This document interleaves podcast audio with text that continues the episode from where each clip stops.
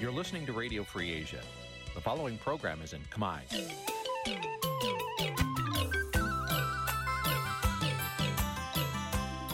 Nǐ chi càm bi tiệp xáy vệt chiu a zì sê ray នេះជាកម្មវិធីផ្សាយរបស់ Vithu Azisari ជាភាសាខ្មែរ វត្តឈូអាស៊ីសេរីសូមស្វាគមន៍លោកអ្នកនាងទាំងអស់ពីរដ្ឋធានី Washington នៃសហរដ្ឋអាមេរិក បាទពីរដ្ឋធានី Washington ខ្ញុំបាទសេកបណ្ឌិតសូមជម្រាបសួរអស់លោកអ្នកនាងកញ្ញាទាំងអស់ជាទីមេត្រីបាទយើងខ្ញុំសូមជូនកម្មវិធីផ្សាយសម្រាប់យប់ថ្ងៃសៅរ៍6កើតខែផលគុណឆ្នាំខាលចត្វាស័កពុទ្ធសករាជ2566ត្រូវនៅថ្ងៃទី25ខែកុម្ភៈគ្រិស្តសករាជ2023បាទជាដំបូងនេះសូមអញ្ជើញអស់លោកអ្នកនាងស្ដាប់ព័ត៌មានប្រចាំថ្ងៃដែលមានមេតិការដូចតទៅ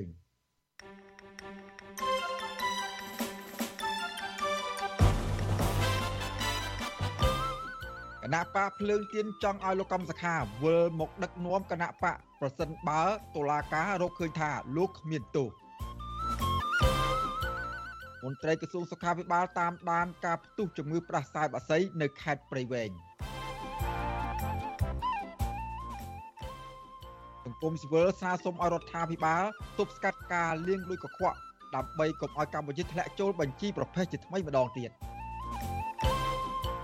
ព្រះសង្ឃប្រនាមសយសាទបដិញ្ញាបន្តការងារសង្គមទោះបីជាប់បណ្ដឹងនៅតុលាការក្តីបាទអ្នកជំនាញប្រមានពីផលប៉ះពាល់ដល់ការបោះឆ្នោតក្រោយពីរដ្ឋាភិបាលបិទវិទ្យុសម្លេងប្រជាធិបតេយ្យ VOD រួមនឹងព័ត៌មានសំខាន់សំខាន់មួយចំនួនទៀតបាទជាបន្តទៅទៀតនេះខ្ញុំបាទសេកបណ្ឌិតសូមជូនព័ត៌មានពិស្ដាបាទលោកនាងកញ្ញាជាទីមេត្រី សង្គមស៊ីវិលស្នើសុំឲ្យក្រសួងសុខាភិបាល គួរពង្រឹងសមត្ថភាពបុគ្គលគួរពង្រឹងសមត្ថភាពបុគ្គលិកពេទ្យឲ្យឬក៏ដាក់ពង្រាយមន្ត្រីពេទ្យឲ្យមានជំនាញត្រឹមត្រូវនៅតាមទីជនបទជាពិសេសនៅតំបន់ដាច់ស្រយាលដើម្បីជួយផ្ដល់សេវាព្យាបាលកាន់តែមានប្រសិទ្ធភាពសម្រាប់ប្រជាពលរដ្ឋក្រីក្របាទការស្នើសុំនេះដោយសារតែមានការផ្ទុះឆ្លងជាថ្មីនៃជំងឺផ្ដាសាយបាសី H1N1 នៅខេត្តព្រៃវែង បាទលោកនាងនឹងបានស្ដាប់សេចក្តីរាយការណ៍ពិស្ដារអំពីរឿងនេះនាពេលបន្តិចទៀត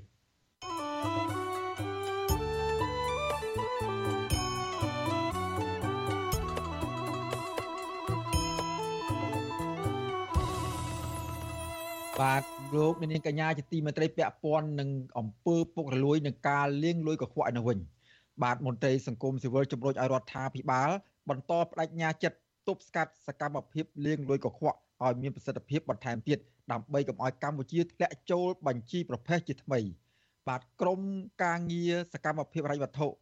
កាលពីថ្ងៃទី24ខែកុម្ភៈបានដកកម្ពុជាចេញពីបញ្ជីប្រភេទនៃក្រមប្រទេសលាងលុយកខ្វក់បាទពីរដ្ឋធានី Washington លោកជាតិចំណានរាយការណ៍អំពីរឿងនេះមន្ត្រីសង្គមស៊ីវិលលើកឡើងថា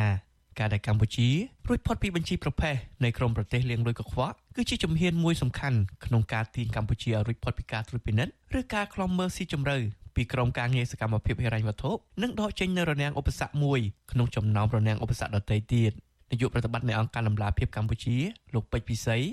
ថ្លែងថាទោះបីជាកម្ពុជាមិនជាប់ឈ្មោះក្នុងបញ្ជីប្រភេទប៉ុន្តែកម្ពុជានៅតែប្រឈមហានិភ័យដែលតាក់ទងទៅនឹងការលាងលុយកខ្វក់នៅឡើយដោយសារតែរដ្ឋាភិបាលមានបញ្ហាច្រើនទៀតត្រូវដោះស្រាយ ជំវិញអនុសាសន៍របស់អ្នកជំនាញអន្តរជាតិបន្តទៀតមន្ត្រីសង្គមស៊ីវិលរូបនេះជំរុញដល់រដ្ឋាភិបាលត្រូវបង្កើនកិច្ចសហប្រតិបត្តិការថ្នាក់ជាតិតំបន់និងអន្តរជាតិឲ្យមានប្រសិទ្ធភាពដូចជាការទប់ស្កាត់អំពើពុករលួយការអនុវត្តច្បាប់ការធានានៅប្រព័ន្ធយុត្តិធម៌ដើម្បីឲ្យកម្ពុជាឈានទៅដល់ចំណុចវិជ្ជមាន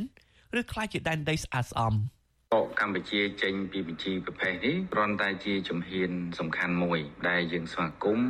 ហើយមានន័យថាកម្ពុជាយើងបានរួចផុតអំពីការត្រួតពិនិត្យឬក៏ឃ្លាំមើលស៊ីជម្រៅគេហៅ increase monitoring របស់ FATF ហ្នឹងអញ្ចឹងមិនមែនមានន័យថាយើងបានរួចផុតពីរាល់ហានិភ័យពាក់ព័ន្ធទៅនឹងការលាងលុយកខ្វក់ហើយនឹងហិរញ្ញប្បទានភេរកម្មនោះទេ នៅមានកិច្ចការជាច្រើនទៀតដែលកម្ពុជាយើងត្រូវតែបន្តធ្វើហើយដើម្បីឲ្យកម្ពុជារួចផុតអំពីហានិភ័យនៃការលាងលុយហើយអាចឈានទៅដល់ដែនដីមួយដែលមានភាពស្អាតស្អំតកតឹងទៅនឹងការលាងលុយកខ្វក់អនុសាសន៍របស់អង្គការសង្គមស៊ីវិលនេះ ធ្វើឡើងបន្ទាប់ពីអង្គការឃ្លាំមើលអំពើលាងលុយកខ្វក់នៅលើពិភពលោកឈ្មោះថាក្រុមការងារសកម្មភាពហិរញ្ញវត្ថុដែលមានមូលដ្ឋាននៅទីក្រុងប៉ារីសប្រទេសបារាំងបានដកកម្ពុជាចេញពីបញ្ជីប្រភេទនៃប្រទេសលាងលុយកខ្វក់កាលពីថ្ងៃទី24ខែកុម្ភៈក្រុមការងារសកម្មភាពហិរញ្ញវត្ថុនេះបានចេញសេចក្តីថ្លែងការណ៍បញ្ជាក់ថាក្រៅពីប្រទេសកម្ពុជាដែលអង្គការនេះដកចេញពីបញ្ជីប្រភេទគឺមានប្រទេសម៉ារ៉ុកមួយទៀត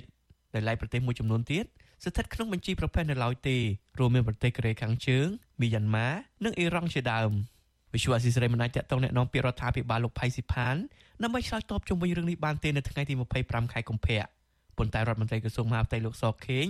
កាលពីថ្ងៃទី22ខែកុម្ភៈបានដាស់តឿនទៅមន្ត្រីរបស់ខ្លួនកុំឲ្យមានមោទនភាពជ្រុលរហូតដល់ភ្លេចខ្លួនក្នុងការទប់ស្កាត់អំពើលាងលុយកខ្វក់ឲ្យសោះក្រោយពីកម្ពុជារួចផុតពីបញ្ជីប្រភេទនេះ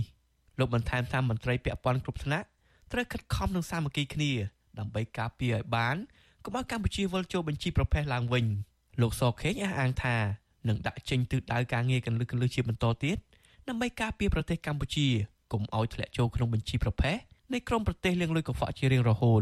ជុំវិញរឿងនេះនាយកមជ្ឈមណ្ឌលប្រជាពលរដ្ឋដើម្បីសន្តិភាពនិងការអភិវឌ្ឍលោកយងកំឯងមានប្រសាសន៍ថាការដកកម្ពុជាចេញពីបញ្ជីប្រភេទគឺជារឿងវិជ្ជមានសម្រាប់មុខមាត់រដ្ឋាភិបាលនិងការវិនិយោគនៅក្នុងប្រទេសប៉ុន្តែលោកយល់ថាលទ្ធផលនេះទំនងសហគមន៍អន្តរជាតិជាពិសេសអ្នកវិនិយោគទុនត្រឹមត្រូវ នៅតែតាមដាននិងប្រុងប្រយ័ត្នខ្ពស់មុននឹងចូលបណ្ដាក់ទុននៅកម្ពុជាហើយអាជ្ញាធរពាក់ព័ន្ធមិនត្រូវភ្លេចខ្លួននោះឡើយលោកជំរុញទៅរដ្ឋាភិបាលត្រូវប្រាជ្ញាចិត្តក្នុងការទប់ស្កាត់សកម្មភាពលាងលុយកខ្វក់ឲ្យមានប្រសិទ្ធភាពបន្ថែមទៀតទាក់ទងទៅនឹងការជួញដូរគ្រឿងញៀនការត្រួតពិនិត្យចរន្តផ្ទេរលុយតាមធនាគារ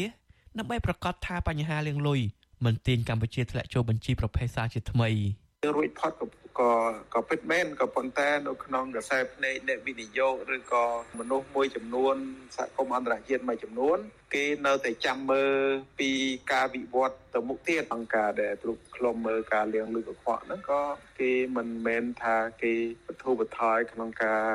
ពិនិត្យមើលតាមដានមើលទៅលើប្រទេសកម្ពុជាដែរគេនៅតែតាមដានមើលអញ្ចឹងបាទយើងត្រូវតែប្រឹងប្រែងឲ្យខ្លាំងបង្ហាញឲ្យខ្លាំងថាកម្ពុជាគឺពិតជាកំពុងតែដើរឆ្ពោះទៅមុខនៅក្នុងការលុបបំបាត់នៅការលៀង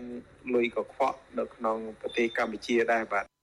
កម្ពុជាធ្លាប់បានរួចផុតពីបញ្ជីប្រភេទនៃប្រទេសលាងលុយកខ្វក់ម្ដងរួចមកហើយប៉ុន្តែចាប់ពីឆ្នាំ2019មកអង្គការឃ្លាំមើលអំពើលាងលុយកខ្វក់នៅលើពិភពលោកបានដាក់កម្ពុជាចូលបញ្ជីប្រភេទជាថ្មីម្ដងទៀតរហូតមកដល់ឆ្នាំ2023នេះ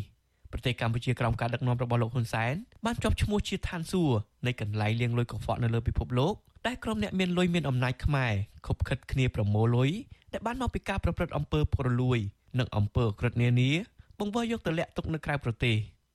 វិស័យដែលរងហានិភ័យខ្ពស់ខាងអំពើលាងលុយកខ្វក់នៅកម្ពុជារួមមានវិស័យធនាគារហិរញ្ញវត្ថុវិស័យសំណង់អចលនទ្រព្យនិងវិស័យកាស៊ីណូជាដើមខ្ញុំបាទជាចំណាន Visual ស៊ីស្រីប្រធានាទី Washington កម្មវិធី Visual អេស៊ីស្រីសម្រាប់ទូរស័ព្ទដៃអាចឲ្យលោកអ្នកនាង អានអត្ថបទទស្សនាវីដេអូនិងស្ដាប់ការផ្សាយផ្ទាល់ដោយឥតគិតថ្លៃនិងដោយគ្មានការរំខាន ដើម្បីអាននិងទស្សនាមេតិការថ្មីថ្មីពី Vithu Azisari លោកអ្នកនាងគ្រាន់តែចុចបាល់កម្មវិធីរបស់ Vithu Azisari ដែលបានដំឡើងរួចរាល់លើទូរស័ព្ទដៃរបស់លោកអ្នកនាងប្រសិនបើលោកអ្នកនាងចង់ស្ដាប់ការផ្សាយផ្ទាល់ឬការផ្សាយចាស់ចាស់សូមចុចលើប៊ូតុងរូប Vithu ដែលស្ថិតនៅផ្នែកខាងក្រោមនៃកម្មវិធីជាការស្រេច។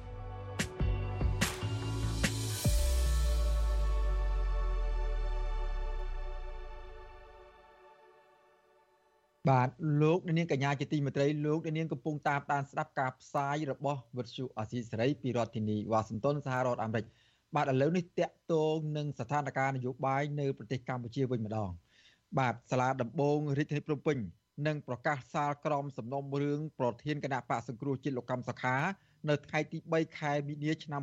2023ខាងមុខនេះពាក់ព័ន្ធនឹងការចោទពីបទសន្តិភាពជាមួយនឹងរដ្ឋបរទេស ដើម្បីផ្ដួលរំលំរដ្ឋាភិបាលលោកហ៊ុនសែនបាទស្របពេលជាមួយគ្នានេះដែរលោករងឈុនអនុប្រធានគណៈបកភ្លើងទៀនបង្ហើបសារថាប្រសិនបើលោកកំសខារួចផុតពីការចោទប្រកាន់នោះលោកនឹងអញ្ជើញមេបករូបនេះឲ្យមកដឹកនាំគណៈបកភ្លើងទៀនដើម្បីប្រកួតប្រជែងជាមួយដើម្បីរួមកម្លាំងគ្នា ជាមួយនឹងអ្នកប្រជាធិបតេយ្យបាទបើទោះបីយ៉ាងណាក៏ដោយ អ្នកនៅហែហោមក្បែរលោកកំសខានោះហាក់មិនពេញចិត្តចំពោះសារបែបនេះឡើយ ពីព្រោះពួកគេចាត់ទុកថានេះជាចេតនាអាក្រក់ដោយមិនចង់ឲ្យគេដោះលែងលោកកំសខាឡើយបាទតើការឆ្លើយឆ្លងគ្នានេះវិជាអតិពលបែបណាដល់សំណុំរឿងលោកកំសខាហើយតើលោកកំសខាអាចនឹងមានសេរីភាពឡើងវិញដើម្បីចូលរួមប្រគល់ប្រជែងក្នុងការបោះឆ្នោតនៅពេលខាងមុខនេះបានដែរឬទេបាទនៅពេលបន្តិចទៀតនេះយើងនឹងមានបទសម្ភាសន៍មួយជាមួយនឹងអ្នកសិក្សាផ្នែកច្បាប់អំពីរឿងនេះដើម្បីជជែកថាតើរឿងនេះវានឹងទៅយ៉ាងម៉េច បាទសូមអស់លោកនាងរងចាំស្ដាប់បទសម្ភាសន៍អំពីរឿងនេះកុំបីខាននាពេលបន្តិចទៀតនេះបាទសូមអរគុណ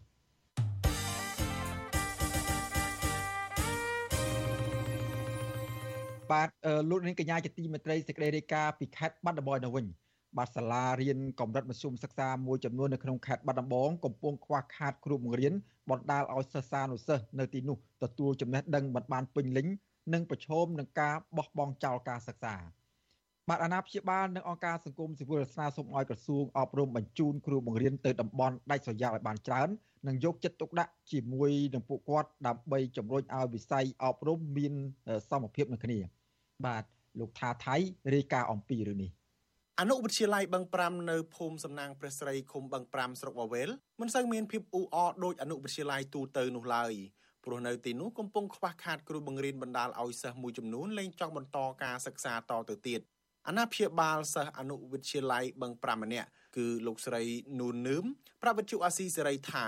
កូនរបស់លោកស្រីតែងរអ៊ូពីបញ្ហាខ្វះខាតគ្រូនិងការបង្រៀនខុសឯកទេសនៃមុខវិជ្ជាលោកស្រីបន្តថានៅទីនោះគ្រូម្នាក់បង្រៀន2ទៅ3មុខវិជ្ជាខុសៗគ្នាបណ្ដាលឲ្យសិស្សភាគច្រើនរៀនមិនចេះមិនយល់ហើយបោះបង់ការសិក្សាឬបដូរទៅរៀននៅសាលាផ្សេងដែលមានចម្ងាយឆ្ងាយពីផ្ទះរាប់គីឡូម៉ែត្រ អាណាព្យាបាលរូបនេះបន្ថែមថាលោកស្រីធ្លាប់ស្នើទៅភូមិឃុំនិងមន្ទីរអប់រំឲ្យបន្ថែមគ្រូបង្រៀនតែមិនទាន់មានការឆ្លើយតបសមស្របណាមួយនោះទេរហូតមកទល់ពេលនេះពិបាកនេះកូនសិស្សបឹង5ដែលមិនមានគ្រូត្រឹមត្រូវរៀនអញ្ចឹងតើចំណេះវិជ្ជាពួកវាយ៉ាងណាគ្រឹះពីក្រោមទៅមិនរឹងហើយហ្នឹងអញ្ចឹងមិនថាពួកខ្ញុំក្រីក្រហើយតស៊ូឲ្យកូនរៀនបែរជាមិនមានគ្រូគ្រប់អញ្ចឹងណាមិនដឹងថាសំណុំពោទៅខាងណាខ្ញុំ កាលដើមឡើយអនុវិទ្យាល័យបឹង5មិនមានអគារសិក្សានោះឡើយដោយខ្ចីបន្ទប់របស់សាលាបឋមសិក្សាបឹងក្រឡសម្រាប់បង្រៀនលុះមកដល់ឆ្នាំ2021ទើបមានការកសាងអគារមួយខ្នងមាន5បន្ទប់សម្រាប់បង្រៀនពីថ្នាក់ទី7ដល់ថ្នាក់ទី9ទីធ្លាសាលាមានសភាពល្អលហេវក្តៅហួតហែងគ្មានដើមឈើគ្មានរបងគឺមានតែខ្លងទ្វារដែលមានផ្លាកពណ៌ខៀវចាថាអនុវិទ្យាល័យបឹង5 នាយកអនុវិទ្យាល័យបឹង5លោករុនឆៃលៀងឲ្យដឹងថាបញ្ហាកង្វះគ្រូបង្រៀននេះកើតមានឡើងជាច្រើនឆ្នាំមកហើយដោយសារគ្រូបង្រៀនមួយចំនួនបានប្រឡងចូលកម្រិតឧត្តមនិងខ្លះទៀតបដូរសាលាបង្រៀនលោកបញ្ជាក់ថាសប្តាហ៍ថ្ងៃមានគ្រូនិងនាយកសរុបចំនួន3នាក់ប៉ុណ្ណោះកំពុងបង្រៀននៅអនុវិទ្យាល័យបឹង5ហើយគ្រូខ្លះត្រូវបង្រៀន3មុខវិជ្ជាខ្លះទៀតបង្រៀន2មុខវិជ្ជាចំណែកលោកផ្ទាល់ដែលជានាយកសាលាបង្រៀនមួយមុខវិជ្ជាលោកបន្តថាបញ្ហាខ្វះគ្រូបង្រៀននេះ បានជះឥទ្ធិពលដល់ការសិក្សារបស់សិស្សដែលបណ្ដាលឲ្យពួកគេបោះបង់ការសិក្សាជាបន្តបន្ទាប់ហើយលោកតែងតែលើកយកបញ្ហាទាំងនេះស្នើទៅមន្ទីរអប់រំខេត្តបាត់ដំបងដើម្បីស្នើសុំគ្រូបង្រៀនមកបន្ថែមទៀតដែរចឹងបើយើងទៅរើសគ្រូដោយកិច្ចសន្យាដោយគ្រូបឋមគ្រូអីវាអត់បានទេវាត្រូវការជំនាញច្បាស់លាស់តែគំនិតខ្ញុំខ្ញុំចង់បានតែ គ្រូកិច្ចសន្យាណាដែលអាចមានត្រឹមបរិញ្ញាបត្រឬក៏មានអីមួយមួយអីអាចមកបរៀនបានខ្ញុំចង់ឲ្យបរៀនដែរដើម្បីវាកាត់បន្ថយគ្រូបរៀនច្រើនមុខដែរថ្ងៃម្នាក់បរៀន2 3មុខ2 3មុខសាលាអនុវិទ្យាល័យបឹង5នេះនៅខ្វះគ្រូបង្រៀនមុខវិជ្ជាភូមិប្រវត្តិដែនដីគេហៈនិងកីឡា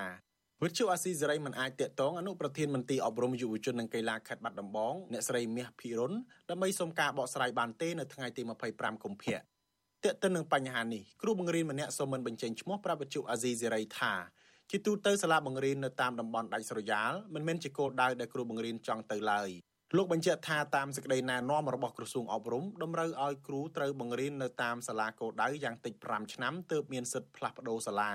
ក៏ប៉ុន្តែលោកអះអាងថាគ្រូបង្រៀនមួយចំនួនបានចំណាយលុយទៅថ្នាក់លើទោះបីជាមិនទាន់គ្រប់ចំនួន5ឆ្នាំក្តីដើម្បីបដូរសាលាបង្រៀនទៅតំបន់ទីប្រជុំជន លោកបន្តថាកត្តានេះនាំឲ្យមានវិសមភាពគ្រូបង្រៀនធ្ងន់ធ្ងរដោយគ្រូបង្រៀនភាគច្រើនប្រមូលផ្ដុំតែនៅតាមទីប្រជុំជនដែលពួកគេអាចរកចំណូលតាមរយៈការបង្រៀនគូក្រៅម៉ោងបន្ថែមដែលផ្ទុយស្រឡះពីសាលានៅតំបន់ដាច់ស្រយាលដែលសិស្សភាគច្រើនមានជីវភាពក្រីក្រជំវិញបញ្ហានេះ ប្រធានសមាគមគ្រូបង្រៀនកម្ពុជាឯករាជ្យអ្នកស្រីអុកឆាយាវីស្នើសុំឲ្យក្រសួងនិងមន្ទីរអប់រំតាមបណ្ដារាជធានីខេត្តចាត់គ្រូបង្រៀនឲ្យទៅតាមតំបន់ដាច់ស្រយាលឲ្យបានច្រើនដើម្បីបង្កបរិយាកាសអប់រំនៅទីនោះឲ្យមានសមភាពជាមួយនឹងទីប្រជុំជនអ្នកស្រីបន្តថាក្រសួងអប់រំត្រូវលើកទឹកចិត្តនិងឧបត្ថម្ភឬផ្ដល់ប្រាក់បៀវត្សឲ្យគ្រូបង្រៀនទាំងនោះឲ្យបានសមស្របនឹងគិតគូរពីបញ្ហាសុវត្ថិភាពសុខុមាលភាពរបស់ពួកគាត់ផងដែរ ហើយដល់គ្រូខ្លះគាត់ទុកចិត្តចោលក្របខ័ណ្ឌគាត់ហ្នឹងនៅតែបើកប្រាក់ខែទៅបើឈ្មោះគាត់ហ្នឹងឲ្យទៅនាយកបើទៅហើយពួកគាត់ហ្នឹងទៅបរៀនសាលាឯកជននេះហើយដែលធ្វើឲ្យគ្រូបង្រៀនក្នុងស្រុកខ្មែរនៅតែខ្វះតែរហូតចឹងណារបាយការណ៍របស់ក្រសួងអប់រំយុវជននិងកីឡាបង្ហាញថានៅក្នុងឆ្នាំសិក្សា2021-2022អត្រាសិស្សដែលបោះបង់ចោលការសិក្សានៅកម្រិតមធ្យមសិក្សាទុតិយភូមិឬកម្រិតវិទ្យាល័យ មានប្រមាណជាង18%ចំណែកអត្រាបោះបង់ចោលការសិក្សានៅកម្រិតមធ្យមសិក្សាបឋមភូមិឬកម្រិតអនុវិទ្យាល័យមានចំនួនជាង16%បើទោះបីជាមានជីវភាពក្រីក្រយ៉ាងណាក៏ដោយអាណាព្យាបាលសិស្សមួយចំនួននៅតែតស៊ូត្រដរឲ្យកូនបានសិក្សារៀនសូត្រក៏ប៉ុន្តែបញ្ហាកង្វះខាតគ្រូបង្រៀនសម្ភារៈឧបទេសនិងអគារសិក្សានៅតែជាឧបសគ្គរារាំងដល់ការសិក្សារបស់សិស្សទាំងនោះ ពួកគាត់ស្នើឲ្យរដ្ឋាភិបាលនិងក្រសួងអប់រំគិតគូរលើបញ្ហានេះដើម្បីលើកកម្ពស់ការអប់រំនៅតាមជនបទឲ្យបានល្អប្រសើរដូចនៅទីប្រជុំជនខ្ញុំថាថៃពីទីក្រុងមែលប៊នបាទលោកនាងកញ្ញាជាទីមេត្រីពាក់ព័ន្ធនឹងការរៀបចំការបោះឆ្នោតជ្រើសតាំងតំណាងរាស្ត្រនៅខែកក្កដាខាងមុខនេះវិញបាទអ្នកជំនាញផ្នែកកិច្ចការបោះឆ្នោតនិងប្រព័ន្ធផ្សព្វផ្សាយប្រមានថា ចំណាត់ការរបស់លោកនាយករដ្ឋមន្ត្រីហ៊ុនសែនបិទវិទ្យុសម្លេងប្រជាធិបតេយ្យ VOD អាចប៉ះពាល់ដល់ដំណើរការបោះឆ្នោតជ្រើសតាំងតំណាងរាស្ត្រនៅខែកក្កដាខាងមុខនេះបាទពួកគេទទូចឲ្យរដ្ឋាភិបាលពិចារណាបើកឲ្យវិទ្យុនេះដំណើរការឡើងវិញដើម្បីជួយលើកស្ទួយមុខមាត់ប្រជាធិបតេយ្យនៅកម្ពុជាដែលកំពុងធ្លាក់ចុះដុនដាបស្រាប់បាទលោកលាននឹងបានស្ដាប់សេចក្តីរាយការណ៍ពិស្ដារអំពីរឿងនេះនាពេលបន្តិចទៀត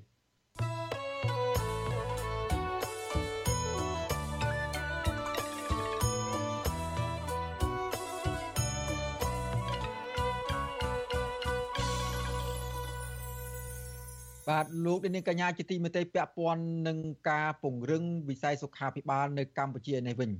បាទសង្គមស៊ីវិលស្នើសុំឲ្យក្រសួងសុខាភិបាលគួរពង្រឹងសមត្ថភាពបុគ្គលិកពេទ្យឬដាក់ពង្រាយមន្ត្រីពេទ្យឲ្យមាន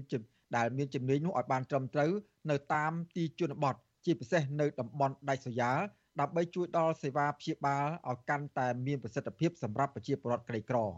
បាទការស្នើសុំឡើងយ៉ាងដូចនេះដោយសារតែមានការផ្ទុះឆ្លងជាថ្មីនៃជំងឺផ្ដាសាយបាសី H5N1 នៅខេត្តព្រៃវែងបាទពីរដ្ឋធានី Washington លោកយុនសាមៀនរាយការណ៍អំពីរឿងនេះស្របពេលមានករណីផ្ទុះជំងឺផ្ដាសាយបាសី H5N1 ដែលឆ្លងពីកូនទៅឪពុក នៅភូមិរលាំងឃុំរំលេចស្រុកស៊ីធោកណ្ដាលនឹងធ្វើឲ្យអ្នកភូមិជាច្រើនអ្នកផ្សេងទៀតជាប់សង្ស័យថាមានជំងឺនេះ អ្នកជំនាញយល់ឃើញថាក្រសួងសុខាភិបាលគួរតែចាត់មន្ត្រីចុះអនុវត្តវិធានការអប់រំសុខភាពដល់ពលរដ្ឋឲ្យបានខ្ជាប់ខ្ជួននៅតាមទីជនបទគ្រប់កន្លែងប្រធានសមាគមគ្រូពេទ្យគុណធម៌កម្ពុជាលោកអ៊ូចវិធីប្រពន្ធអសីសេរីនៅថ្ងៃទី25កុម្ភៈថាក្រសួងសុខាភិបាលត្រូវតែពង្រឹងសមត្ថភាពគ្រូពេទ្យនៅតាមមន្ទីរពេទ្យបង្អែកស្រុក និងគ្រូពេទ្យនៅតាមមណ្ឌលសុខភាពភូមិឃុំឲ្យបានជាប់លាប់ជាពិសេសត្រូវដាក់បុគ្គលិកពេទ្យ ដែលមានជំនាញខ្ពស់នៅតាមមន្ទីរពេទ្យបង្អែកស្រុក និងមណ្ឌលសុខភាពទាំងនោះដើម្បីផ្ដល់សេវាព្យាបាលប្រកបដោយប្រសិទ្ធភាពខ្ពស់ជូនពលរដ្ឋបើសិនជាយើងមិនដាក់ពេទ្យឲ្យជួយតាមជនបទទេយើងនៅគុំបដុំតាកន្លែងប្រមូលបដុំកន្លែងប្រជាពលរដ្ឋកន្លែងប្រជាពលរដ្ឋដែលមានសេដ្ឋកិច្ចធូរធារអានឹងបងប្អូនយើងនៅតែមានហានិភ័យចឹងតថ្ងៃក្រោយវាចំពោះអ្នកមានរស់អ្នកក្រស្លាប់បើខ្ញុំអត់ទេ អ្នកមានអ្នកក្រក៏អាចរស់មានពិតរស់ដោយអ្នកមានតែគេត្រូវដាក់ពេទ្យជួយមើលគាត់លោកបន្តថាការអនុវត្តបែបនេះគឺអាចជួយពលរដ្ឋក្រីក្រគ្មានលទ្ធភាពជាពិសេសកុមារតូចតូចជៀសផុតពីការធ្លាក់ខ្លួនឈឺក្នុងរយៈពេលខ្លីហើយស្លាប់ដោយសារជំងឺមួយចំនួនដូចជាការក្តៅខ្លួនខ្លាំងដោយសារជំងឺរលាកស្រោមខួរក្បាល ឬជំងឺផ្ដាសាយបាក់សីនេះជាដើម។ នាយកទទួលបន្ទុកកិច្ចការទូតនៃអង្គការលីកាដូលោកអំសំអាតទទួលស្គាល់ថាមានមណ្ឌលសុខភាពនៅតាមទីជនបទប៉ុន្តែមណ្ឌលសុខភាពទាំងនោះនៅខ្វះគ្រូពេទ្យជំនាញសម្ភារៈនិងថ្នាំសង្កូវដើម្បីឆ្លើយតបទៅនឹងតម្រូវការរបស់ពលរដ្ឋលោកបន្ថែមថាក្រសួងសុខាភិបាលគួរបង្កើនការផ្សព្វផ្សាយអប់រំដល់ពលរដ្ឋនៅតំបន់ដាច់ស្រយាលទាំងនោះអំពីជំងឺប្រឈមនិងអាយុជីវិតឬជំងឺឆ្លង ទី2គឺការបង្កើននៃកម្រិតជំនាញ ផ្នែកសុខាភិបាលជាពិសេសគឺត្រូវមានវិជ្ជាបណ្ឌិតនៅតាមមណ្ឌលសុខភាពតាមជនបទហ្នឹងឲ្យបានច្រើនដែរហើយមានជំនាញហើយថែមទាំងឧបករណ៍ចាំបាច់មួយចំនួនដើម្បីឆ្លើយតបនឹងតម្រូវការរបស់ប្រជាពលរដ្ឋណាការលើកឡើងរបស់មន្ត្រីសង្គមស៊ីវិលទាំងនេះធ្វើឡើងបន្ទាប់ពីកុមារីអាយុជាង11ឆ្នាំបានស្លាប់ដោយសារជំងឺផ្ដាសាយបាក់សីបន្ទាប់ពីធ្លាក់ខ្លួនឈឺត្រឹមតែ7ថ្ងៃ ជុំវិញការលើកឡើងរបស់មន្ត្រីអង្គការសង្គមស៊ីវិលទាំងនោះវិទ្យុអាស៊ីសេរីមិនអាចសុំការឆ្លើយតបពីលោកស្រីយុសម្បត្តិមន្ត្រីនាំពាក្យក្រសួងសុខាភិបាលបានទេដោយសារតែទូរស័ព្ទចូលជាច្រើនដងតែគ្មានអ្នកទទួលទោះបីជាយ៉ាងណាក្រសួងសុខាភិបាលបានប្រកាសជាថ្មីកាលពីថ្ងៃទី24កុម្ភៈថា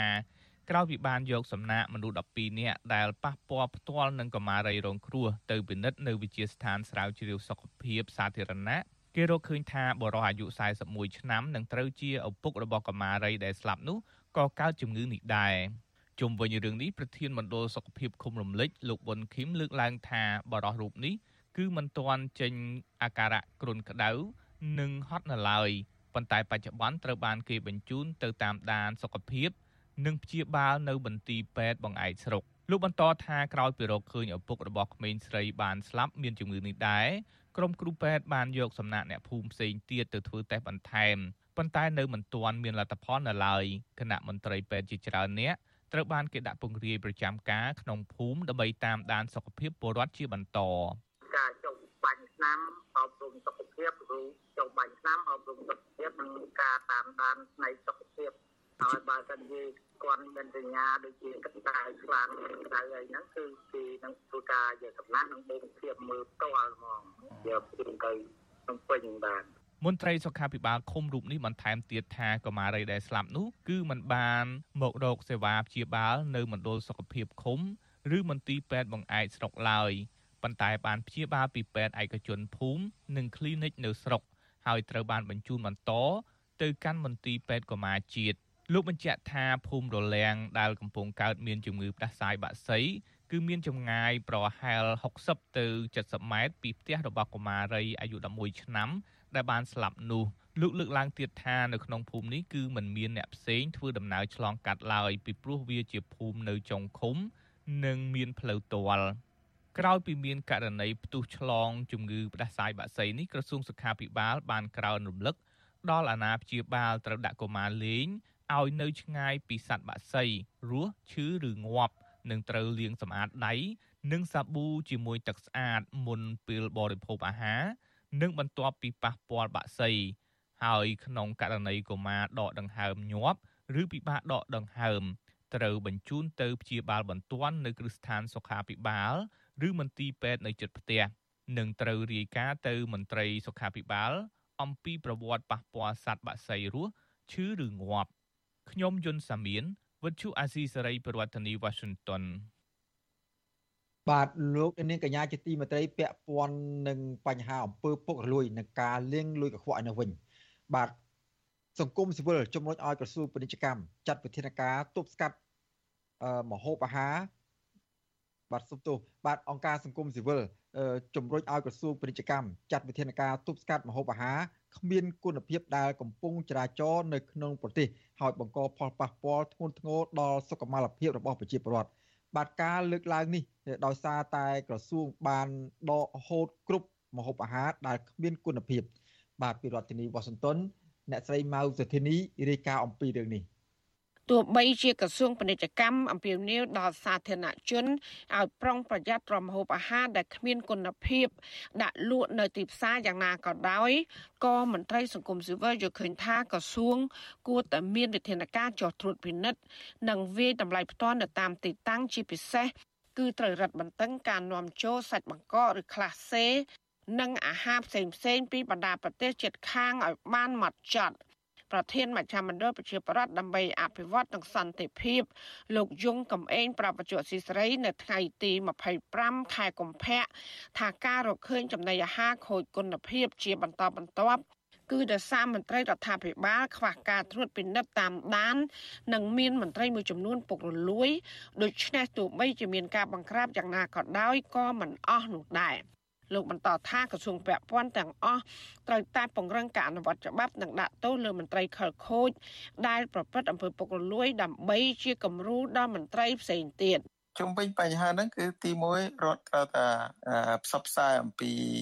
រូបភាពនៃទំនិញឬក៏អាហារដែលខូចគុណភាពហ្នឹងបាទថាតើស្អីខ្លះដែលជាចំណីអាហារដែលខូចគុណភាពហើយឲ្យប្រជាពលរដ្ឋហ្នឹងគឺអាចស្គាល់អំពីម៉ាកអំពីរូបសន្តានរបស់វាហើយបន្តមកទៀតគឺអាចអំពាវនាវកុំឲ្យប្រជាពលរដ្ឋទិញហើយនឹងឲ្យប្រជាពលរដ្ឋរាយការណ៍បើសិនឃើញមានទំនិញទាំងអស់ហ្នឹង ប្រតិកម្មនេះធ្វើឡើងនៅបន្ទាប់ពីក្រសួងពាណិជ្ជកម្មបានចេញសេចក្តីប្រកាសដកហូតគ្រប់ម្ហូបអាហារដែលដាក់ចរាចរណ៍គ្មានគុណភាពឬក៏មិនអនុវត្តទៅតាមបច្ចេកទេសក្រសួងបានបញ្ជាក់ផងដែរថាគ្រប់អាជីវកម្មម្ហូបអាហារត្រូវតែចេញសារណែនាំពីផលប៉ះពាល់ដល់សុខភាពពាក់ព័ន្ធនឹងម្ហូបអាហារដើម្បីឲ្យអ្នកប្រើប្រាស់បានជ្រាបជាព័ត៌មាន។ ចំណែកឯម្ចាស់អាជីវកម្មម្ហូបអាហារដែលនាយកដ្ឋានការពារអ្នកប្រើប្រាស់កិច្ចការប្រកួតប្រជែងនិងការបង្ក្រាបការក្លែងបន្លំហៅកាត់ថាកបបដកហូតម្ហូបអាហារដែលគ្មានសុវត្ថិភាពនោះត្រូវសរសេរលិខិតភ្ជាប់ជាមួយរបាយការណ៍ពាក់ព័ន្ធផ្សេងផ្សេងដើម្បីឲ្យនាយកដ្ឋានកបបចេញសេចក្តីប្រកាសបញ្ចប់ការដកហូតម្ហូបអាហារនោះ មាត្រា9បានចែងថារាល់អាជីវកម្មម្ហូបអាហារត្រូវតែមានលិខិតអនុញ្ញាត កំណត់ដោយច្បាប់និងលិខិតបទបញ្ញត្តិគតិយុត្តជាធរមានបទបញ្ញត្តិបច្ចេកទេសសម្ដៅដល់ឯកសារដែលចែងពីលក្ខណៈផលិតផល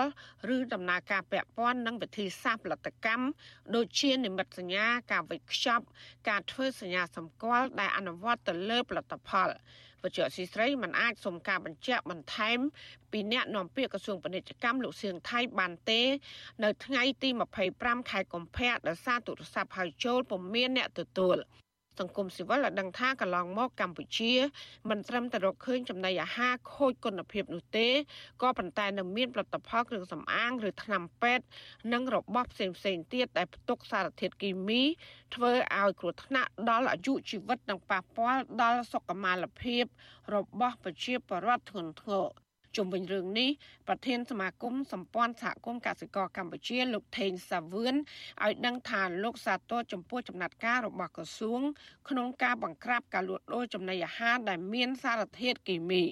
ក៏ប៉ុន្តែលោកថាដើម្បីទប់ស្កាត់ការនាំចូលរបស់ខូចគុណភាព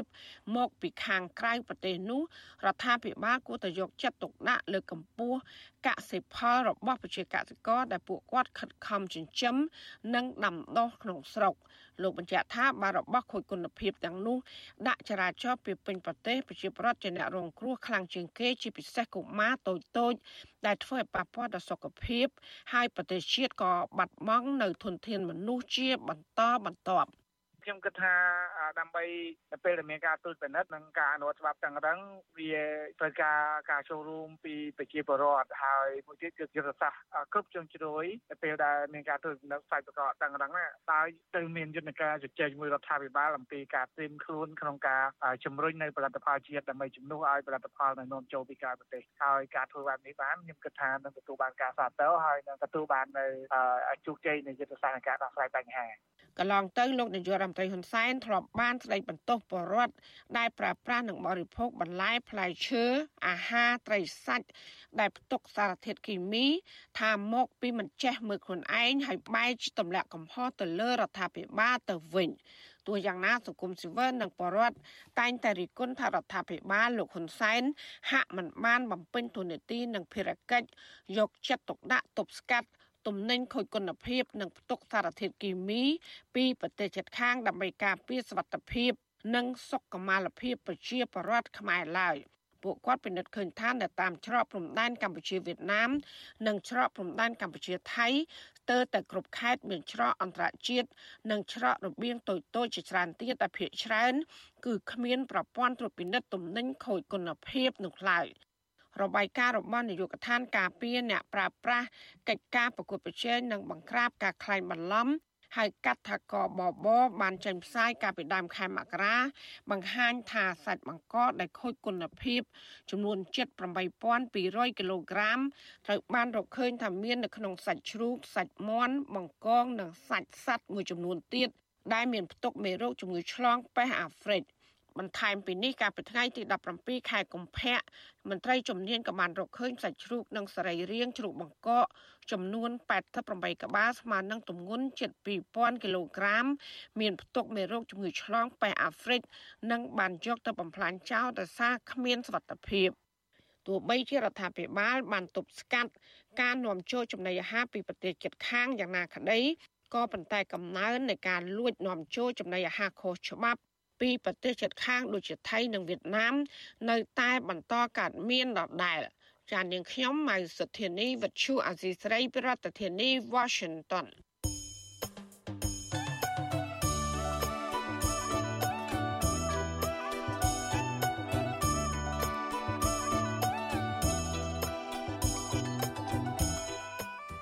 លោកនាងកញ្ញាជាទីមេត្រីលោកនាងកំពុងតាមដានស្ដាប់ការផ្សាយរបស់វិទ្យុអស៊ីសេរីពីរដ្ឋធានីវ៉ាស៊ីនតោនសហរដ្ឋអាមេរិកបាទដំណើរគ្នានឹងស្ដាប់ការផ្សាយរបស់វិទ្យុអស៊ីសេរីតាមបណ្ដាញសង្គម Facebook និង YouTube នោះលោកនាងក៏អាចស្ដាប់កម្មវិធីផ្សាយរបស់វិទ្យុអស៊ីសេរីតាមរយៈរលកធាតុអាកាសខ្លីឬ Shortwave ដែលមានកម្រិតនិងកម្ពស់តទៅនេះបាទពេលព្រឹកចាប់ពីម៉ោង5កន្លះដល់ម៉ោង6កន្លះ តាមប៉ុស SW 9.39 MHz ស្មើនឹងកម្ពស់ 32m និងប៉ុស SW 11.85 MHz ស្មើនឹងកម្ពស់ 25m បាទនៅពេលព្រឹកចាប់ពីម៉ោង7កន្លះបាទនៅពេលយប់ចាប់ពីម៉ោង7កន្លះដល់ម៉ោង8កន្លះតាមរយៈប៉ុស SW 9.39 MHz ស្មើនឹងកម្ពស់ 32m ប៉ុស SW 11.88 MHz ស្មើនឹងកម្ពស់ 25m និងប៉ុស SW 15.15 MHz ស្មើនឹងកម្ពស់20 20m បាទសូមអរគុណ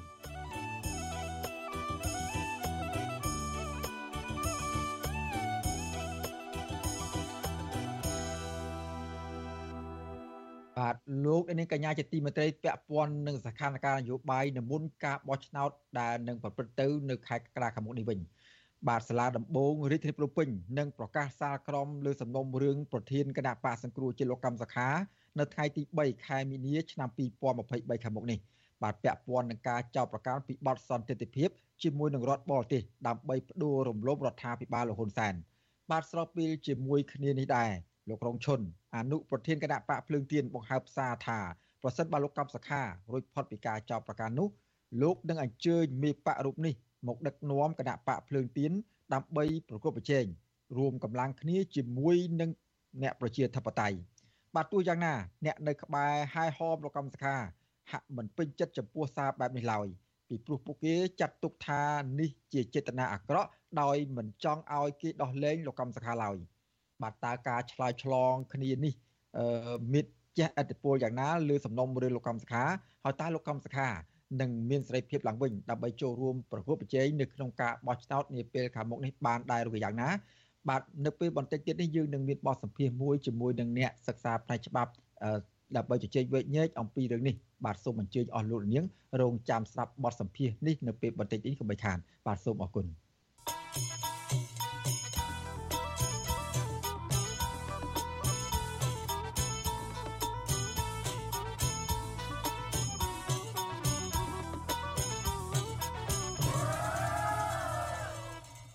បាទលោកនាងកញ្ញាជាទីមេត្រីអ្នកធ្វើការងារលើវិស័យអប់រំបង្ហាញការព្រួយបារម្ភពីបញ្ហាសិលធម៌សង្គមកំពុងធ្លាក់ចុះខ្លាំង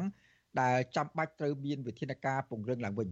បាទពួកគាត់យល់ថានៅពេលសង្គមមួយ បាត់បង់ឬក៏ធ្លាក់ចុះសិលធម៌នោះមនុស្សនៅក្នុងសង្គមនោះនឹងរវល់នៅនឹងរស់នៅគ្មានសេចក្តីសុខនិងសន្តិភាពទាំងផ្លូវចិត្តផ្លូវកាយនោះឡើយពីព្រោះសង្គមនោះពោពេញទៅដោយចំនួនការជេរប្រមាថ ការព្យាបាទអំពើហិង្សា និងសង្គ្រាមកាប់សម្លាប់គ្នាឯងជាដើម បាទពីរដ្ឋធានី Washington លោកយ៉ងច័ន្ទរារាយការណ៍អំពីរឿងនេះអ្នកជំនាញធ្វើការងារពាក់ព័ន្ធនឹងវិស័យអប់រំលើកឡើងថាសិលធម៌នៅក្នុងសង្គមនៅពេលបច្ចុប្បន្នកំពុងតែធ្លាក់ចុះខ្លាំងប៉ះពាល់ដល់សេចក្តីថ្លៃថ្នូរនិងសុវត្ថិភាព ចាប់ពីបុគ្គលម្នាក់ម្នាក់រហូតទៅដល់សហគមន៍និងឈានទៅដល់ការបែកបាក់សង្គមជាតិ ដែលករណីនេះចាំបាច់ត្រូវតែមានការយកចិត្តទុកដាក់ពង្រឹងឡើងវិញប្រធានក្រុមប្រឹក្សានិងជាអគ្គនាយកប្រតិបត្តិនៃក្រុមហ៊ុនមេងលីជេគួចដែលជាស្ថាប័នផ្ដល់សេវាអប់រំមួយនៅកម្ពុជាគឺលោកវិជ្ជបណ្ឌិតគួចមេងលី មានប្រសាសន៍ថាសារធម៌សង្គមបច្ចុប្បន្នធ្លាក់ចុះគួរឲ្យព្រួយបារម្ភច្បាប់ទម្លាប់វិន័យដែលយើងទទួលស្គាល់ជាច្បាប់ទម្លាប់អនុវត្តប្រចាំថ្ងៃវាហាក់បីដូចជាអត់មានហើយខ្វះខាតហើយអត់មានទៅមានអ្នកអនុវត្តតាមទៀត ហើយក៏អត់មានអ្នកណាយកចិត្តទុកដាក់ចងក្រងទិសដៅបណ្ដៅឲ្យទៅជាមេរៀនក៏ហាក់បីដូចជាអត់ទៀតអញ្ចឹងវាវិកបាត់លើដើមអញ្ចឹងណាបាទអញ្ចឹងបើយើងនិយាយអួតតាមនិយមន័យគឺវាចុះថយខ្លាំងបាទបច្ចុប្បន្នយើងស្ថិតអាចក្នុង65%ទេបាទមូលហេតុធំធំមួយចំនួន ដែលលោកគូចមេងលី មើលឃើញថាជាកត្តានាំឲ្យកើតបញ្ហាអសិលធម៌នេះគឺដោយសារតែកត្តាជីវភាពគ្រួសារមិនបានរស់នៅជុំគ្នា ការចុះខ្សោយប្រព័ន្ធអប់រំ មនុស្សខ្លាចគ្នាឬក៏មិនទុកចិត្តគ្នាជាដើមលោកថាមូលហេតុធំមួយទៀតគឺដោយសារតែអតិពលពីអ្នកមានលុយមានអំណាចមួយចំនួន ដែលមិនមានសិលធម៌នៅក្នុងខ្លួនលោកអំពីវនីវដល់អ្នកមានសមត្ថភាពជាបណ្ឌិតបញ្ញវន្តចូលរួមនៅក្នុងការផ្សព្វផ្សាយអប់រំតាមមធ្យោបាយផ្សេងផ្សេងដើម្បីពង្រឹងចំណេះដឹងនិងសិលធម៌សង្គមសិលធម៌គឺជាចំណុចមួយដែលគេកំណត់លក្ខណៈមនុស្សខុសពីសត្វទូទៅពេលខ្លះគេនិយាយថា មនុស្សបើគ្មានសិលធម៌ទេ គឺសាហាវគ្រោះថ្នាក់ឬក៏គួរឲ្យខ្លាចជាងសត្វនៅក្នុងព្រៃទៅទៀត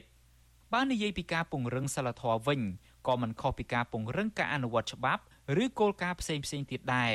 គឺត្រូវធ្វើពីលើចុះក្រោមពីអ្នកមានអធិបុលមុនបើសម្ដៅទៅលើប្រទេសគឺចាប់ពីនាយករដ្ឋមន្ត្រីឬក៏ប្រធានាធិបតីហើយបើកម្រិតក្រុមហ៊ុនវិញ គឺត្រូវចាប់ផ្ដើមពីប្រធានក្រុមហ៊ុន ហើយបើគ្រួសារ គឺចាប់ពីឪពុកម្ដាយនេះឯងតែម្ដងតកតងទៅនឹងរឿងសិលធម៌សង្គមនេះមន្ត្រីជាន់ខ្ពស់គណៈបកប្រជាធិបតេយ្យមូលដ្ឋាន និងជាអតីតគ្រូបង្រៀននៅវិទ្យាល័យបាក់ទុកនៅក្នុងរាជធានីភ្នំពេញ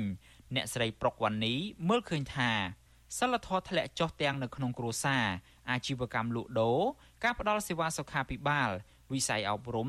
មន្ត្រីសាធារណៈនិងសន្តិសុខតាមមូលដ្ឋានព្រមទាំងការចែកចាយគ្រឿងញៀនជាដើម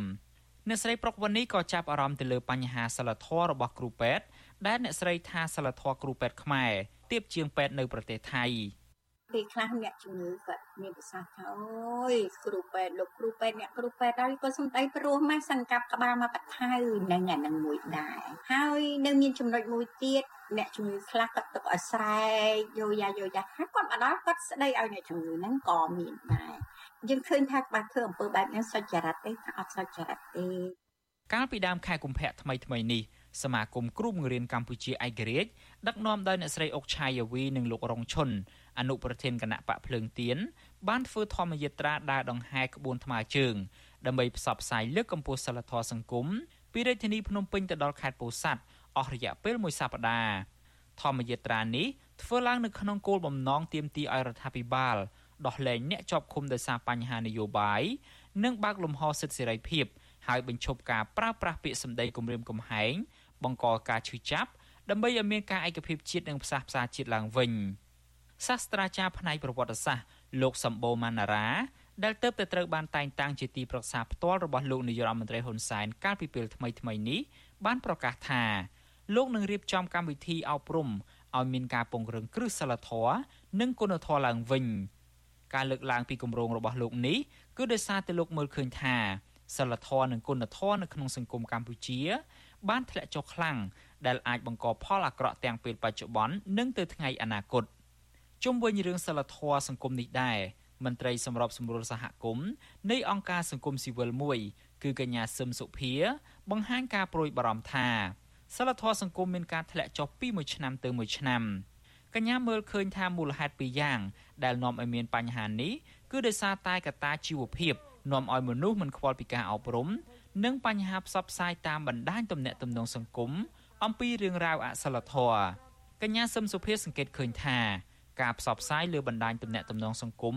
ហាក់ដូចជាសេរីមិនមានការទប់ស្កាត់ឬក៏អប់រំទេ ហើយជាក់ស្ដែងរឿងអប់រំល្អល្អ ហាក់មិនសូវទទួលបានការចាប់អារម្មណ៍ពីមហាជន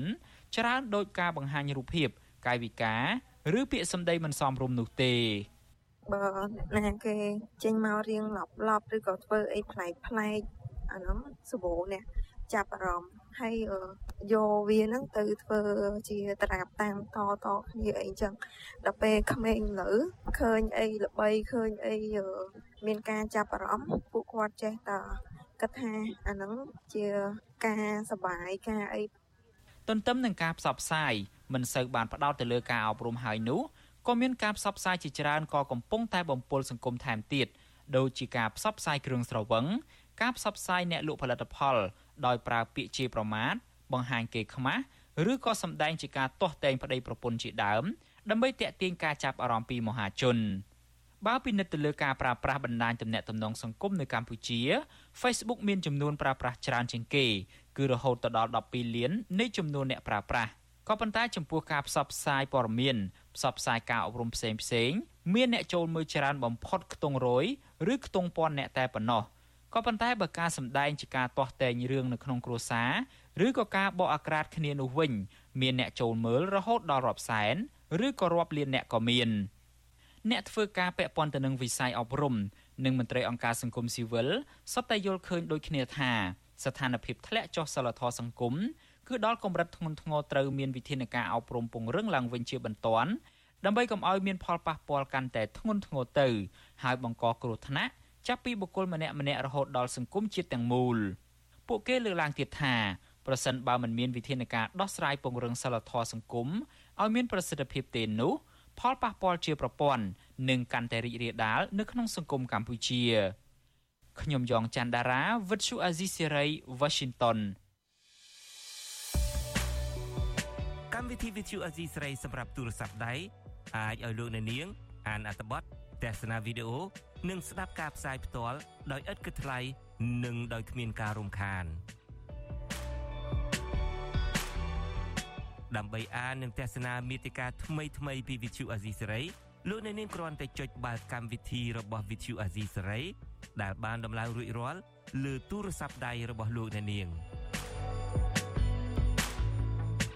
ប្រសិនបើលោកអ្នកនាងចង់ស្ដាប់ការផ្សាយផ្ទាល់ឬការផ្សាយចាស់ចាស់សូមចុចលើប៊ូតុងរូបវិទ្យុដែលស្ថិតនៅផ្នែកខាងក្រោមនៃកម្មវិធីជាការស្រេច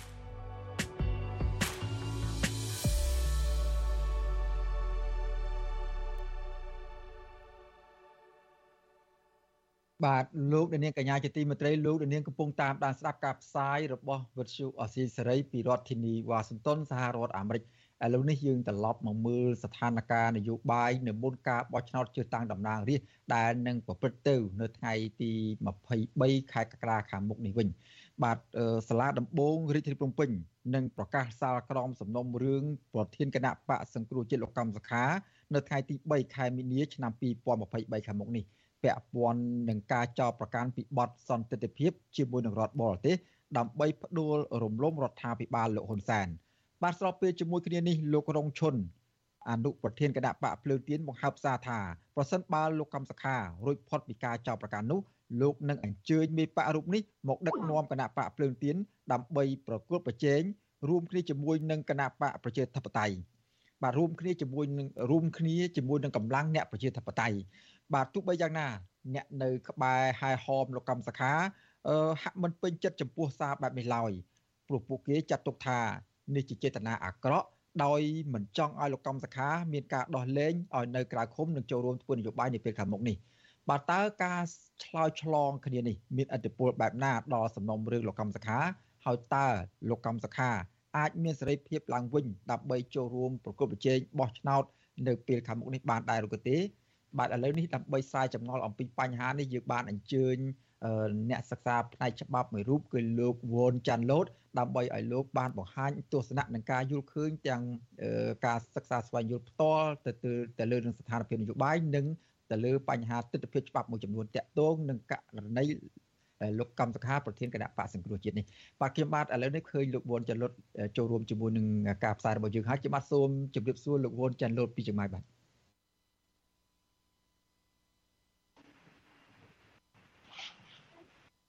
បាទលោកវ៉ុនចាន់លោតលើខ្ញុំទៅបាទសូម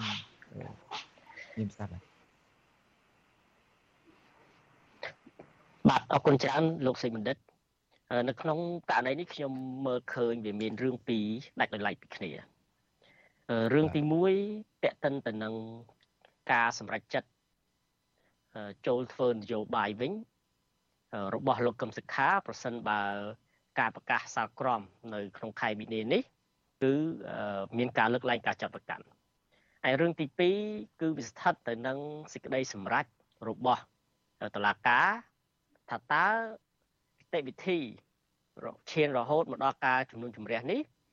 តុលាការនឹងបន្តការចាត់ប្រកាន់ឬក៏នឹងធ្វើការលើកលែងការចាត់ប្រកាន់អញ្ចឹងដែលយើងឃើញថាអឺតេតិនទៅនឹងការអំពាវនាវពីសំណាក់ អ្នកនយោបាយបកភ្លឹងទៀនខ្ញុំមើលឃើញថាវាគ្រាន់តែជាសារនយោបាយមួយ ដែលអាចជាការធ្វើឲ្យមានការចាប់អារម្មណ៍ពីសាធារណជន តែប៉ុណ្ណឹងទេ ប្រសិនបើមើលឲ្យជ្រៅថាវាមានអត្តពលទៅដល់ការសម្រេចរបស់តឡាការដោយសារតែការអំពាវនាវនេះខ្ញុំគិតថាដូចជាមិនសមហេតុផលហើយក៏មិនអាចទៅរួចដែរ ពីព្រោះនៅក្នុងរឿងករណីលោកកុំសុខានេះ យើងដឹងហើយថារឿងដែលអាចនឹងផ្ដល់ដំណោះស្រាយបានលឿនរហ័សហើយនឹងចម្បងបំផុតនោះ គឺអាស្រ័យទៅនឹងរឿងនយោបាយការចរចានយោបាយហើយការសម្រេចចិត្តរបស់លោកកឹមសុខាតាំងពីការរំលាយការចាប់ ឃុំខ្លួនលោកកឹមសុខារហូតមកដល់ពេលនេះយើងឃើញជំហររបស់លោកកឹមសុខាហាក់ដូចជាមិនតន់បានបង្ហាញថាគាត់នឹងត្រូវជ្រើសនៅផ្លូវណាមួយទេ នៅក្នុងការត្រឡប់ចូលធ្វើនយោបាយវិញឬក៏លោកកឹមសុខានឹងអស់លទ្ធភាពឬក៏សកម្មភាពនយោបាយរបស់គាត់នឹងត្រូវបញ្ចប់ត្រឹមកម្រិតនេះ អញ្ចឹងដូចយើងដឹងថាកន្លងមកជាពិសេសគឺគណៈបកប្រជាជន កម្ពុជា មានការព្រួយបារម្ភខ្លាំងណាស់តេតិនទៅនឹងវត្តមាននៃអិសរាជជននយោបាយជាន់ខ្ពស់របស់គណៈបកសង្គ្រោះជាតិហើយដោយឡែកគឺមានលោកសំរងស៊ីហើយលោកកឹមសុខាដែលយើងឃើញថាជាបុគ្គលដែលមានអត្តពលហើយអាចនឹងធ្វើឲ្យប៉ះពាល់ទៅដល់ការផ្លាស់ប្ដូរនៅកម្ពុជាយើងហ្នឹង ម្ល៉េះហើយយើងអាចមើលបន្ថែមទៀតថាមួយរយៈចុងក្រោយនេះអិសរាជជននយោបាយចេញពីគណៈបកប្រឆាំងក៏ទទួលរងនឹងការចាត់ប្រកាន់ឬក៏ការធ្វើទុកបុកម្នេញនឹងច្រើនក្រាស់ក្រែលណាស់ដែរទូយ៉ាងដូចជាលោកសុនឆៃលោកគង្គកំហើយថ្មីថ្មីនេះគឺមានលោកថាច់ស៊ីថា ដែលកំពុងតែនៅជាប់ឃុំឃាំងនោះបាទអញ្ចឹង បើយើងមើលអំពីតម្រុយថាតើលោកកឹមសុខាអាចនឹងទទួលរងលើកលែងការចាត់ប្រកាន់ឬក៏លោកកឹមសុខាអាចនឹងធ្វើនយោបាយវិញបាននៅមុនការបោះឆ្នោតនៅពេលខាងមុខនេះខ្ញុំគិតថាវាជាវិញ្ញាសាមួយដែលពិបាកហើយវាពិបាកនៅក្នុងការរកចម្លើយដោយសារតែចម្លើយគឺវាអាស្រ័យទៅនឹងអ្នកនយោបាយជាពិសេសគឺ អ្នកដឹកថ្នាក់ដឹកនាំនៃគណៈបកប្រជាជនកម្ពុជាឬក៏រដ្ឋអំណាចសពថ្ងៃហ្នឹងប៉ុន្តែខ្ញុំមើលឃើញរូបភាពមួយទៀតផងដែរការបន្តសកម្មភាពនយោបាយគឺរបស់លោកកឹមសុខាអាចនឹងធ្វើទៅបានឯរបស់គណៈបព្វជិជន ហើយនឹងទី2លោកកឹមសុខាគាត់ព្រមធ្វើនយោបាយនៅ ក្នុងទម្រង់ជារូបភាពរណបមួយឲ្យគណៈបព្វជិជនប៉ុន្តែគាត់អាចបង្កើតនៅគណៈបព្វផ្សេងអញ្ចឹងទៅបាទអញ្ចឹងបើសិនជាលោកកឹមសុខាគាត់ធ្វើការសម្រេចចិត្តជំរើសពីរហ្នឹងក្នុងជំរើសណាមួយ គឺសកម្មភាពនយោបាយរបស់គាត់ឬក៏គាត់អាចនឹងមានឱកាសនៅក្នុងការធ្វើនយោបាយបានច្រើនអញ្ចឹងខ្ញុំសូម skip កន្លែងហ្នឹងតេតិនទៅនឹងការសម្រេចចិត្តផ្នែកនយោបាយរបស់លោកកឹមសុខាប៉ុន្តែយើងត្រឡប់មកមើលអំពីនីតិវិធីច្បាប់មកដល់ពេលនេះក៏យើងមិនអាចនិយាយបានថា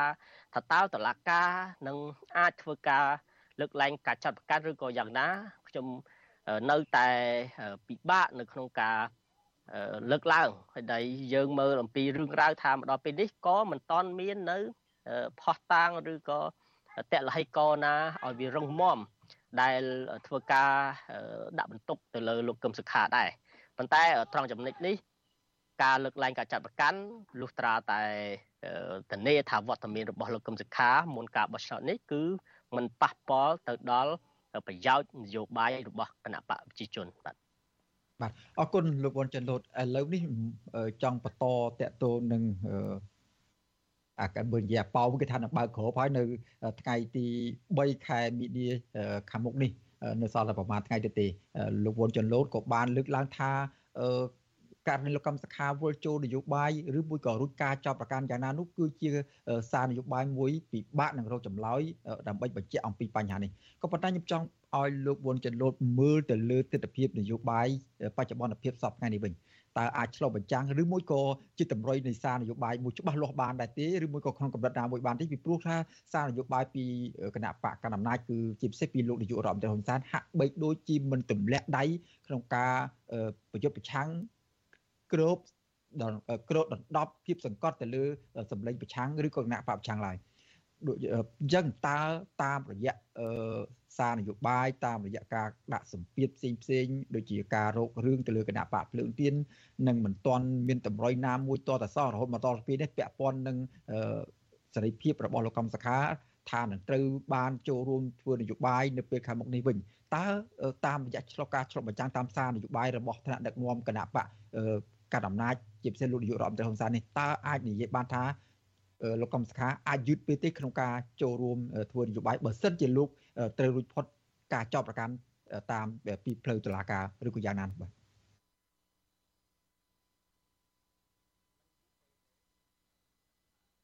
បាទលោកពូនចាំមុតសូមសូមបើកមីក្រូហ្វូនបាទអឺខ្ញុំគិតថាមិនយឺតពេកទេ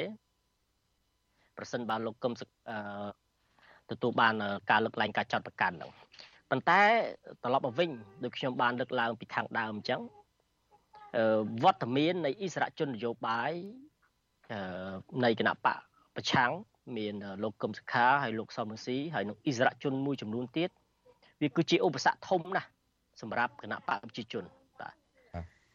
ប៉ុន្តែហើយក៏យើងអាចធ្វើការឆ្លុះបញ្ចាំងទៅលើសារនយោបាយរបស់សម្ដេចហ៊ុនសែននាពេលកន្លងមកតែគាត់តែងតែលើកឡើងជាម្ដងម្កាលថា គាត់អាចរំលាយបកមួយទាំងមូលបានគាត់អាច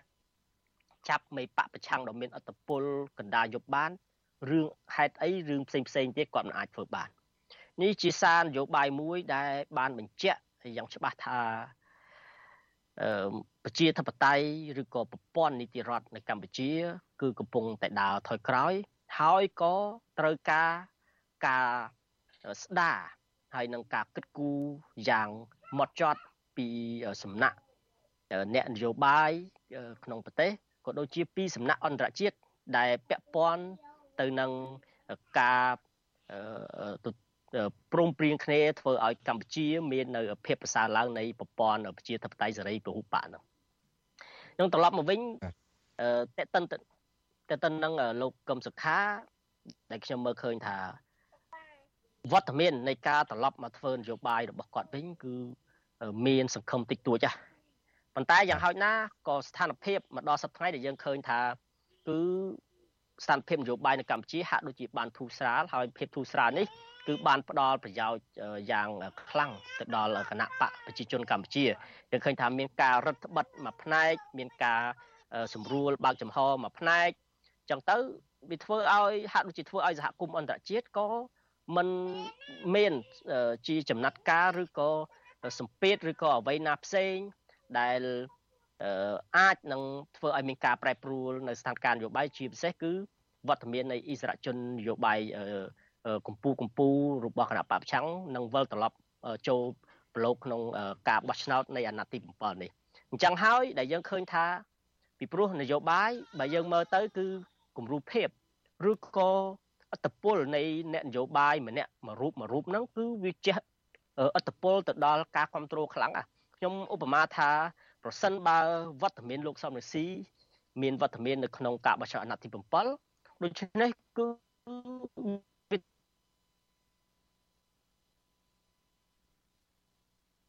ធ្វើឲ្យជនទៅលើគណៈបពប្រឆាំងវាមានច្រើនបាទប៉ុន្តែដល់តែពេលអ្នកនយោបាយទាំងអស់ហ្នឹងគាត់មិនអាចចូលប្រឡូកក្នុងនយោបាយបាន ដែលយើងឃើញថាវត្តមាននៃនៃគណៈបកប្រឆាំងដូចសពថ្ងៃគឺគណៈបកភ្លឹងទៀនធ្វើឲ្យប្រជាពលរដ្ឋគាត់ហាក់នៅ មានភាពស្រពិសពិលឬក៏គាត់ត្រូវធ្វើការពិចារណាច្រើនថាតើអ្នកទាំងអស់ហ្នឹងអាចទេអាចជាអ្នកដឹកនាំតែគាត់ពឹងពាក់គាត់ជឿទុកចិត្តហើយជាអ្នកដឹកនាំដែលអាចធ្វើឲ្យកម្ពុជាមានការផ្លាស់ប្ដូរទៅរកប្រព័ន្ធប្រជាធិបតេយ្យពិតប្រាកដបានអត់ហើយគាត់ត្រូវពិចារណាទៀតថាតើ វត្តមាននៃគណៈបកភ្លឹងទីនហ្នឹងគឺពិតជាអាចធ្វើឲ្យសង្គមកម្ពុជា មានការផ្លាស់ប្ដូររីកចម្រើនបើប្រៀបធៀបជាមួយនឹងការដឹកនាំរបស់គណៈបកប្រជាជនកម្ពុជាឬក៏អញ្ចឹងខ្ញុំគិតថាក្នុងស្ថានភាពបែបនេះដែលគណៈបកប្រជាជនអាច control បានសឹងតែ100%ទៅលើគ្រប់ស្ថានភាពហើយជាពិសេសគឺពីសម្ពាធអន្តរជាតិគណៈបកប្រជាជនអាចរោគកលឹះនៅក្នុងការដោះ សម្ពាធនឹងបានហើយធ្វើឲ្យមានភាពធូរស្រាលខ្ញុំគិតថាការដែលប្រឡែងឬយើងនិយាយពេលឲ្យរៀងអាក្រក់ស្ដាប់ទៅចុះប្រឡែងឲ្យមានវត្តមាននៃអិសរាជជននយោបាយជាន់ខ្ពស់នៃគណៈបកសង្គ្រោះជាតិចូលប្រឡូកក្នុងនយោបាយអាណត្តិទី7នេះគឺវាដូចជាមិនអាចទៅរួចទេបាទបាទអរគុណឥឡូវនេះម្នាក់ម្នាក់កំពុងតែទន្ទឹងរង់ចាំមើលព្រឹត្តិការណ៍ដែលសម្រាប់ទៅលើរឿងក្តីរបស់ លោកកំសខាប្រធានគណៈបកសង្គ្រោះជាតិនៅថ្ងៃទី3ខែមីនាខាងមុខនេះអឺលោកវុនច័ន្ទលូតមិញលើកឲ្យថាមានសង្ឃឹមតិចតួចណាស់លទ្ធផលទុកបីអាប៉ោកបើក្របនៅប្រហែលថ្ងៃខាងមុខនេះក៏ដោយចុះអឺ បើសិនជាលទ្ធផលតិចតួចដែលមានការលើកលែងការចោទប្រកាន់ឬមួយក៏លទ្ធផលតិចតួចក្នុងការហក់ចូលប្រឡូកនៅក្នុងឆាកនយោបាយឡើងវិញនោះអញ្ចឹងបើសិនលទ្ធផលតិចតួចបើមានវាសនាមិនល្អណាមួយលោកកម្មសខានៅតែគ្មានសិទ្ធិធ្វើនយោបាយហើយនៅតែទទួលរងការចាប់ប្រកាន់ដដែលនោះតើលោកកម្មសខានៅតែរក្សាភាពរក្សាភាពស្ងៀមស្ងាត់ដោយសពថ្ងៃនេះជាប្រយោជន៍មួយសម្រាប់លោកសម្រាប់អ្នកគាំទ្ររបស់លោកឬមួយក៏យ៉ាងម៉េចសុំដល់ខ្លីលោកវុនចាន់លោក ពុតខ្ញុំមើលឃើញពីផលប្រយោជន៍មួយនៃការរក្សាភាពស្ងៀមស្ងាត់របស់លោកកុំសុខាមិនអត់ទេតួយ៉ាងគឺការចូលសួរសុខទុក្ខពីសំណាក់អង្គទូតឬក៏ថ្នាក់ដឹកនាំនៃបណ្ដាប្រទេសសេរី វាជាសារមួយឬក៏អាចថាជារូបភាពមួយជំរុញឲ្យអ្នកតស៊ូនៃដើម្បីលទ្ធិប្រជាធិបតេយ្យនិងសិទ្ធិមនុស្សនៅកម្ពុជា នៅតែមានក្តីសង្ឃឹមទី2អឺការអត់ធ្មត់និង ការរក្សាភាពស្ងៀមស្ងាត់របស់លោកកឹមសុខាខ្ញុំគិតថាក៏អាចជួយឲ្យការគ្រប់គ្រងនៃគណៈបកភ្លើងទៀនគណៈបកប្រឆាំងនៅកម្ពុជាហ្នឹងមានការគ្រប់គ្រងផងដែរប្រសិនបើលោកកឹមសុខាពិតជាមើលឃើញថាវត្តមាននៃគណៈបកភ្លឹងទៀនគឺអាចនឹងជួយសម្រួលស្ថានភាពនយោបាយនៅកម្ពុជាហើយជាពិសេសគឺអាចនឹងមានដំណោះស្រាយសម្រាប់រូបគាត់នឹងបាទ បាទអរគុណឥឡូវសូមងាកមករឿងបញ្ហាផ្ទៃក្នុងរបស់អ្នកប្រជាធិបតេយ្យនេះវិញបាទលោកវុនចលុតបានលើកពីខាងដើមបន្តិចហើយប៉ុន្តែខ្ញុំចង់ឲ្យលោកវុនវុនចលុតបញ្ជាក់ថែមបន្តិចទៀតនៅពេលនេះអ្នកគ្រប់គ្រងលោកកម្មសខាអ្នកនៅក្បែរលោកកម្មសខាហាក់បីដូចជាមានការប្រុងប្រយ័ត្នក្នុងការពាក្យសម្ដី សារនយោបាយណាមួយដែលប៉ះពាល់ទៅដល់រឿងក្តីលទ្ធផលក្តីរបស់លោកកំសខានៅពេលខាងមុខនេះដូចជាគាត់មិនពេញចិត្តចំពោះលោករងជនដែលជាអនុប្រធានគណៈបកភ្លើងទៀនដែលទើបនឹងឡើងកាន់តំណែងថ្មីថ្មីនេះថានឹងបើសិនជាលោកកំសខារួចផុតពីការចោទប្រកាន់មានសេរីភាពធ្វើនយោបាយនឹងហៅគាត់មកចូលរួមដឹកនាំគណៈបកភ្លើងទៀនកាសារនេះធ្វើឲ្យមានការលើកឡើងថាប៉ះពាល់ដល់កិត្តិយសប៉ះពាល់ដល់លទ្ធផលអាចប៉ះពាល់ដល់លទ្ធផលមិនចង់មានការលើកលែងការចោទប្រកាន់ឬដោះលែងលោកកម្មសខា តើគណៈបកភ្លើងទៀនពិតជាចង់បានផលចំណេញនយោបាយពិតប្រកបមែនឬមួយក៏ជាជាជាជាឆន្ទៈមួយពិតប្រកបក្នុងការរួបរวมអ្នកប្រជាធិបតេយ្យដើម្បីប្រកួតប្រជែងជាមួយនឹងគណៈបកកម្មាធិការនៅពេលខាងមុខនេះបាទខ្ញុំលើកឡើងពីដំបូងអញ្ចឹងសាររបស់លោករងឈុនគឺអាចជាសារមួយដើម្បីទទួលបានការចាប់អារម្មណ៍ច្រើនជាងពីមានភាព logic ពីព្រោះការសម្រេចចិត្ត ចូលមិនចូលភ្លើងទៀនគឺអាស្រ័យទៅលើលោកកឹមសុខាហើយការសម្រេចចិត្តលើកឡើងការចាប់ប្រកាន់មិនចាប់ប្រកាន់អាស្រ័យទៅទៅលើតឡាការដោយឡែកជារួមក៏វាអាស្រ័យទៅនឹងរូបភាពនយោបាយទស្សនវិជ្ជានយោបាយផងដែរអញ្ចឹងការដែលព្រួយបារម្ភអំពីឬក៏ការវាយប្រហារគ្នាដោយសារតែសារមួយម៉ាត់នៃលោករងឈុនខ្ញុំគិតថាហាក់ដូចជាកំពុងតែបង្វែរថាដោយសារតែមូលហេតុហ្នឹងទៅធ្វើឲ្យតឡាការត្រូវ បន្តការចាត់ប្រកាន់ហើយហាក់ដូចជាកំពុងតែបន្ទោសទៅកាន់គណៈបកភ្លើងទៀនគណៈបកប្រឆាំងថាជាដើមចំបណ្ដាលឲ្យលោកកឹមសុខា គឺស្ថិតនៅក្នុងបំរាមក៏ដូចជាការបន្តការចាប់ប្រកាន់តាមនីតិវិធីតុលាការនោះអញ្ចឹងខ្ញុំគិតថាយើងគួរតែរៀនមើលឲ្យវាបានជ្រៅហើយមើលឲ្យបានជាក់លាក់ទៅនឹងប្រភពដើមនៃបញ្ហា ហើយដូចខ្ញុំបានបញ្ជាក់ពីខាងដើមមកអញ្ចឹងការលើកឡើងកោចាត់ប្រកាន់ឬក៏ការបន្តធ្វើសកម្មភាពនយោបាយបានវាមិនមែនអាស្រ័យទៅលើខ្សែអំពាវនាវនៃគណៈបកប្រឆាំងឬក៏អ្នកនយោបាយនៅ